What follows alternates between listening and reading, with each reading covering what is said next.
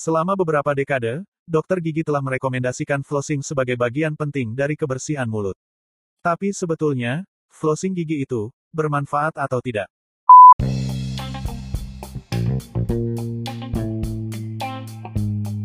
Halo, selamat datang di podcastnya Dokter Gigi Gaul. Episode kali ini akan membahas mengenai flossing. Apa yang diungkapkan oleh penelitian terbaru tentang praktik kesehatan gigi ini?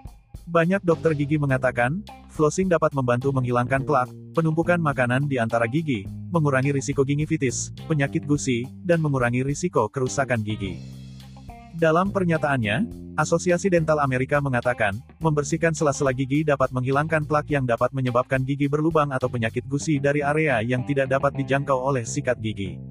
Dan pembersihan interdental terbukti membantu menghilangkan kotoran di antara gigi yang dapat berkontribusi pada pembentukan plak.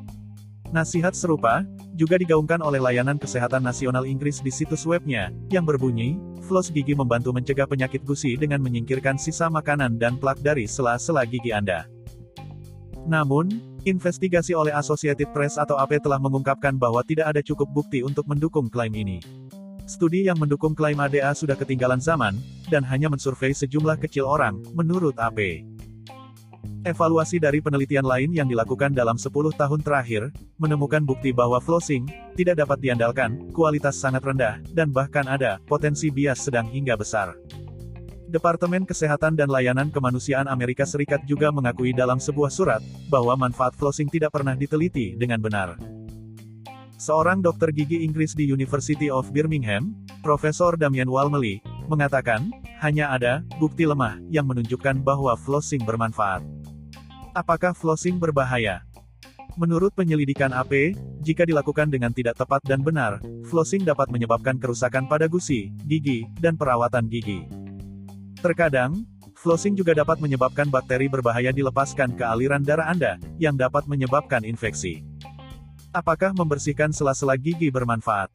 Iya, bahkan kelompok yang skeptis terhadap flossing mengatakan, membersihkan sela-sela gigi Anda baik untuk Anda.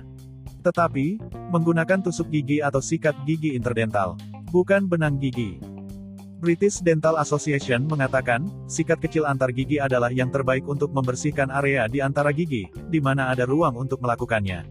Benang gigi hanya memiliki sedikit nilai, kecuali jika ruang di antara gigi Anda terlalu rapat untuk sikat interdental agar pas tanpa melukai atau menyebabkan kerusakan. Intinya, apakah flossing gigi perlu dilakukan? Ini tergantung pada kondisi kesehatan gigi mulut kamu saat ini. Flossing akan efektif jika kamu masih memiliki sebagian besar gigi.